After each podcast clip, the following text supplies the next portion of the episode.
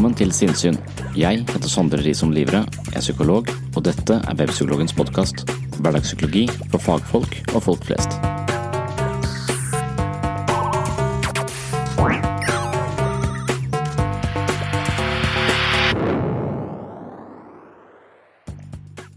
Hei og velkommen til eh, den femte episoden i serien jeg kaller for Shots av sinnssyn.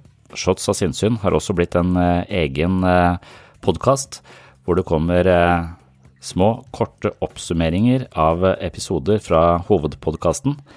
Det vil si at jeg prøver å lage en liten synopsis på hver episode her på Sinnsyn. Korte det ned, si de viktigste poengene på under ett minutt og prøve å dele disse små snuttene i ulike sosiale kanaler. Jeg lager også små videoer som illustrerer tematikken, så det jeg har drevet med i det siste er også å korte ned en episode fra sinnssyn, si hva er det egentlig jeg prøver å si i denne episoden, og hvordan kan jeg si det på kortest mulig tid, og i og med at det da går glipp av ganske mange nyanser, så prøver jeg å supplere med da videomateriell som kan illustrere tematikken.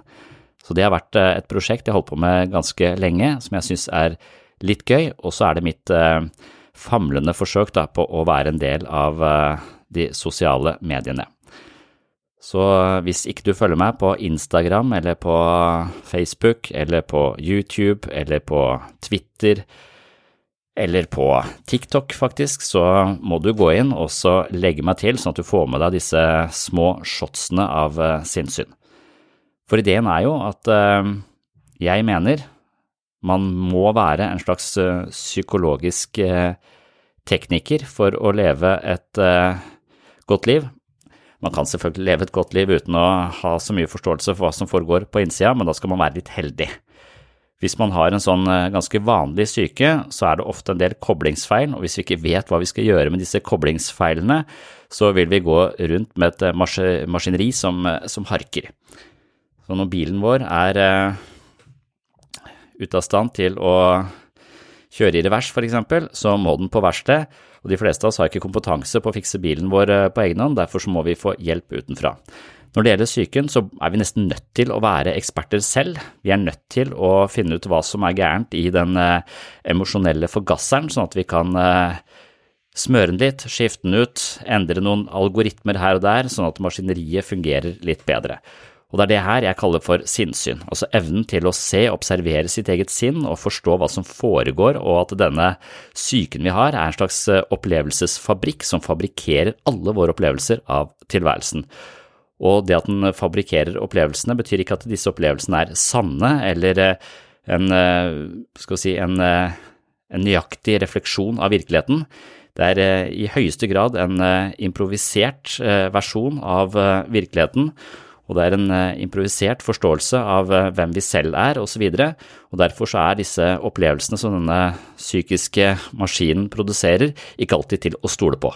Og det å forstå det, det å ha en slags eh, kritisk blikk på sitt indre liv, det mener jeg er helt avgjørende for å utvikle seg og bevege seg videre og utvikle mer nyanserte og kanskje etter hvert bedre forståelser av både oss selv, andre mennesker, våre relasjoner og verden for øvrig. Og av og til så kaller jeg det psykisk fleksibilitet, altså evnen til å innta stadig flere perspektiver på oss selv. Og det skaper en slags eh, nyansert eh, tilværelse snarere enn tilværelse tuftet på sort-hvitt eh, dikotomi, noe som eh, verden er full av fra før, så vi trenger ikke mer av det. Og det er derfor jeg prøver å lage et slags eh, språk på hva som foregår på innsida, det å forstå ting, det handler om å kunne uttrykke ting og også gi det et, eh, et ansikt via noen begreper og noen eh, metaforer eller noen eh, beskrivelser av innsikt. Og hvis jeg klarer å lage små narrativer eller metaforer eller forståelser basert på psykologisk teori og filosofiske ideer, så kan det være at det er det verktøyet vi trenger for å være en slags psykologisk mekaniker. I disse korte lørdagsepisodene med shots fra sinnssyn så får du noen av mine beste verktøy presentert på en kort og ganske rask eh, måte. Målet mitt er jo da altså på en måte presse meg inn mellom eh, andre kattevideoer og morsomheter i sosiale medier, og komme med et eh, budskap som jeg selv mener er da avgjørende og ganske viktig, og da må jeg prøve å plassere meg inn på de plattformene hvor uh, informasjonsstrømmen er. Jeg må liksom inn i denne informasjonselven og håpe at noen plukker det opp der sånn, kanskje blir interesserte og går videre på den eh, åpne podkasten hvor vi går litt mer i dybden på de temaene jeg presenterer i korthet i Shots av sinnssyn. Så i denne episoden så får du altså elleve shots fra sinnssyn, dvs. Si elleve poengterte budskap som eh, du også kan finne i de ulike sosiale mediene, og da supplert av uh, små filmsnutter. Men her får du altså bare lyden, og denne lyden her går fort, for uh, målet mitt er jo å si noe vettugt på under ett minutt, altså i løpet av 60 sekunder skal jeg si noe som er verdt å si, og det synes jeg er ganske vanskelig. Men her får du elleve forsøk, altså hentet fra den andre podkasten som heter Shots av sinnssyn. Og hvis du ikke abonnerer på Shots av sinnssyn i iTunes og der du hører på podkaster, så må du gjøre det også. Ok, her kommer elleve shots av sinnssyn. I'm a deep thinker, you know. That's how I like to do. Think real deep. Smoke something, lay back, let my mind take off. I be thinking about stuff people don't know about. People ain't even thinking about. Like, for example, why isn't there any B batteries?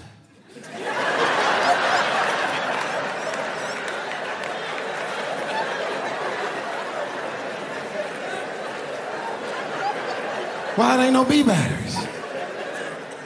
but they tripled up on the A's.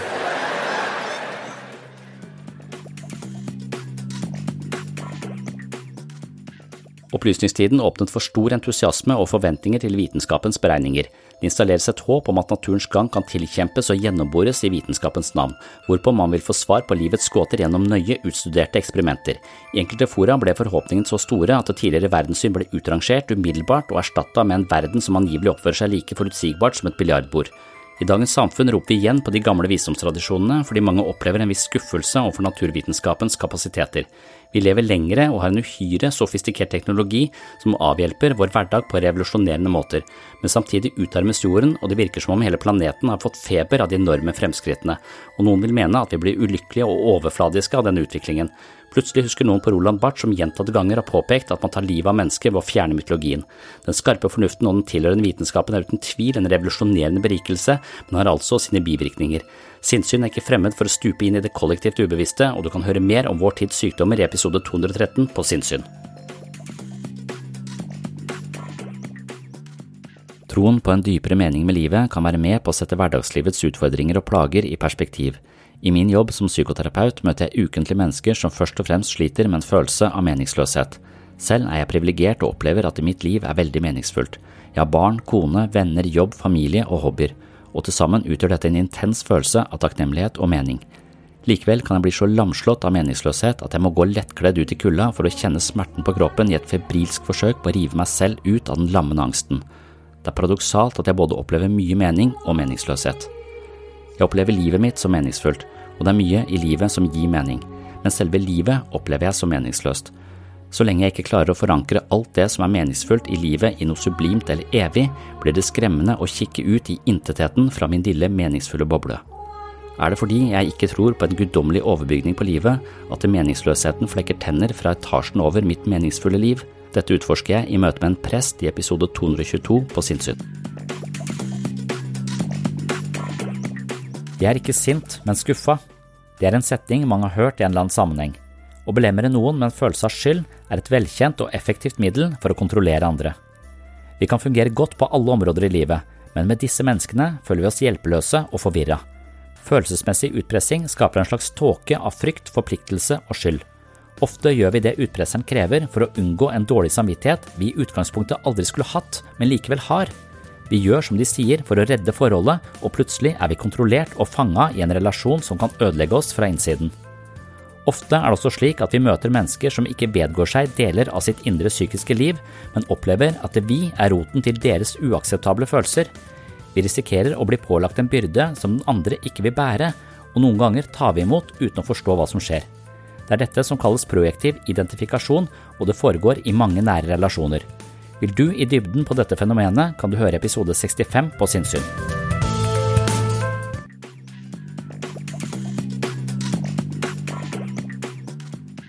Noen ganger lager vi forklaringer på episoder som ikke stemmer overens med virkeligheten, men selv om forklaringene er virkelighetsfjerne, virker de følelsesmessig avlastende. Vi oppgir sannheten for å beholde følelsesmessig balanse i øyeblikket, og det kalles rasjonalisering. Rasjonalisering er et psykisk forsvar som gjerne dukker opp når vi har handlet på motiver vi nødig vil erkjenne. Angsten og skammen dempes ved å tilsløre sannheten i en mer akseptabel forklaring. Intellektualisering er et forsvar som ligner, men defineres på en litt annen måte.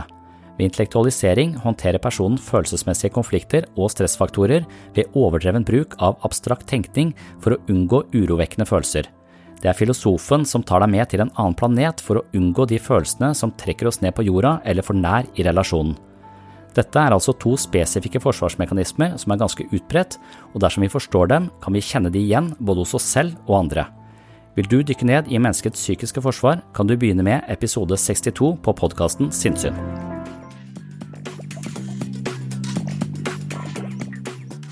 Dersom maskinen får en hjerne som overgår menneskehjernen, risikerer vi en superintelligens som kan bli veldig kraftig. I dag ligger gorillaens skjebne i menneskets hender, og på samme måte risikerer vi å legge vår egen skjebne i hendene på en superintelligent maskin. Kunstig intelligens på menneskelig nivå vil være like intelligent som oss i brøkdelen av et sekund, og deretter vil den overgå oss i et tempo vi ikke kan forestille oss. En maskin har nemlig den fordelen at den tenker mange tusen ganger raskere enn oss. Det vi klarer å lese, forstå og regne ut i løpet av et helt liv, klarer den på under en time. Da får vi en situasjon med en eksplosiv intelligens og maskiner som programmerer seg selv. Hva vil de finne på? Hva motiverer dem?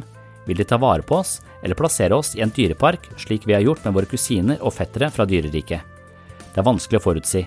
Når intelligensen er en størrelse som øker eksponentielt av maskiners enorme prosesseringskraft, kan vi raskt ende opp med noe som ligner en gud. Hør mer om dette i episode 63 på Sinnsyn.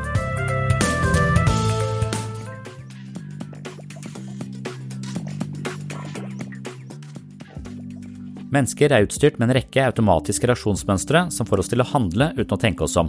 De som vet hvordan mønstrene trigges, kan få mye kontroll over mennesker. Jeg oppsummerer boka til Robert Cialdini som handler om manipulasjon. Hvordan lar vi oss overtale av selgere til å kjøpe ting vi ikke har bruk for? Jeg har selv stått overfor en rekke selgere, særlig på ferie i utlandet, hvor jeg på merkverdig vis har følt meg forplikta til å kjøpe noe jeg egentlig ikke vil ha. Dersom vi får en gave, et kompliment, en invitasjon eller lignende, ønsker vi å gi noe tilsvarende tilbake. Uansett om det vi får er lite og noe vi ikke vil ha, føler vi oss forplikta til å gi noe tilbake. Selgere vet at dersom de kan få en potensiell kunde til å uttrykke en form for interesse, har de store muligheter til å presse gjennom et salg, rett og slett fordi mennesker liker å fremstå som konsekvente. Vi forbinder stabilitet, besluttsomhet og målbevissthet med integritet. Når vi har bestemt oss for noe, ønsker vi å stå for dette, en tendens som kan utnyttes. I episode 60 på Sinnsyn snakker jeg om hvordan vi blir lurt.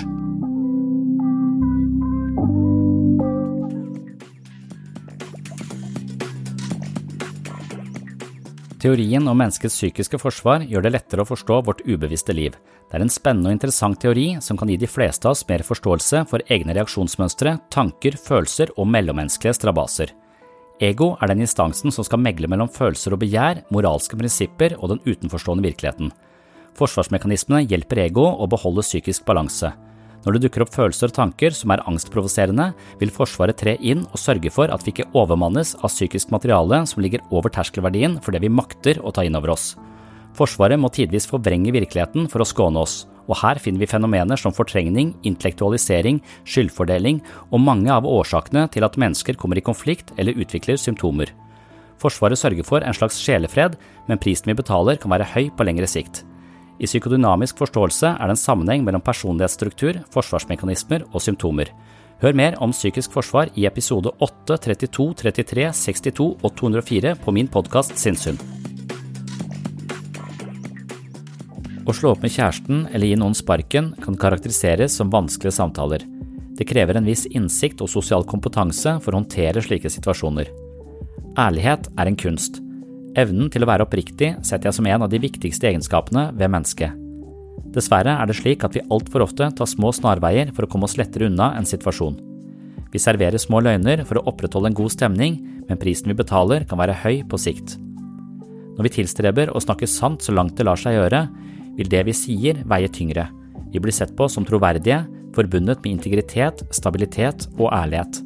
Vi blir et menneske som andre kan stole på, og vi blir et menneske som kan stole på seg selv. Noe jeg hevder er en vesentlig del av god selvfølelse.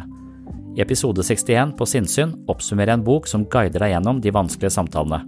Hvordan gjør man det, eller hvordan våger man det? Hvis ærlighet er en kunst, er det kanskje noe man må praktisere for å beherske på en god måte. Det er ingen lett oppgave.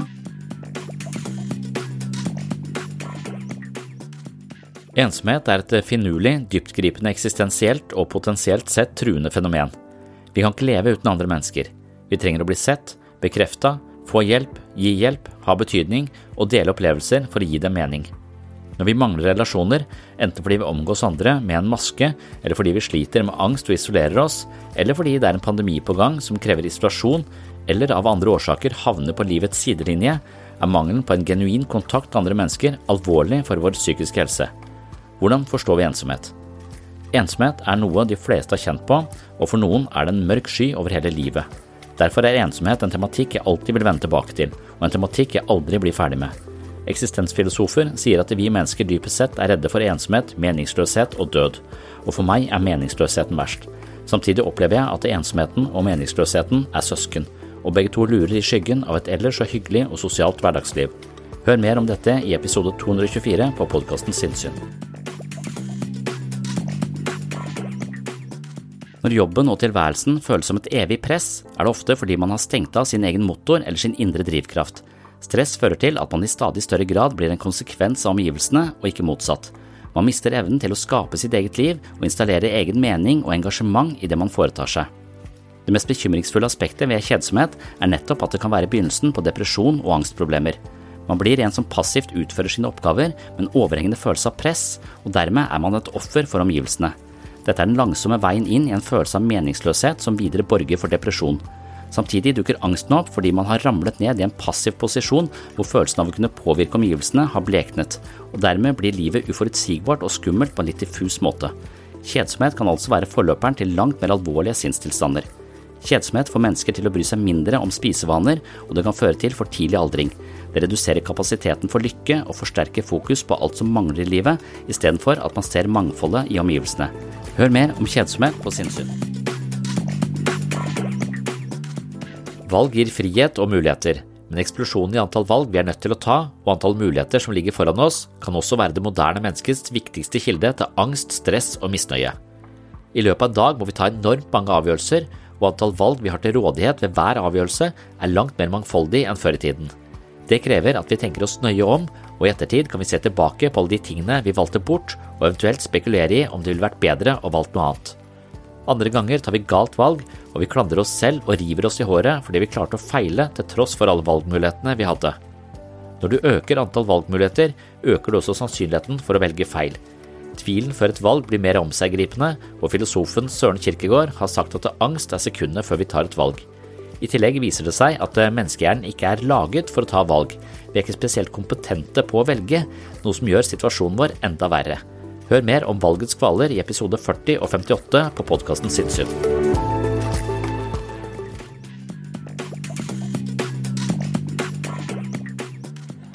I get deep. I'm a deep dude. Here's another example of how deep I get. Adam and Eve, they the very first people on the planet Earth, right? Right? So I'm looking at a picture of them the other day, both of them naked, and I noticed they both had navels, belly buttons. Why? Who cut their umbilical cords?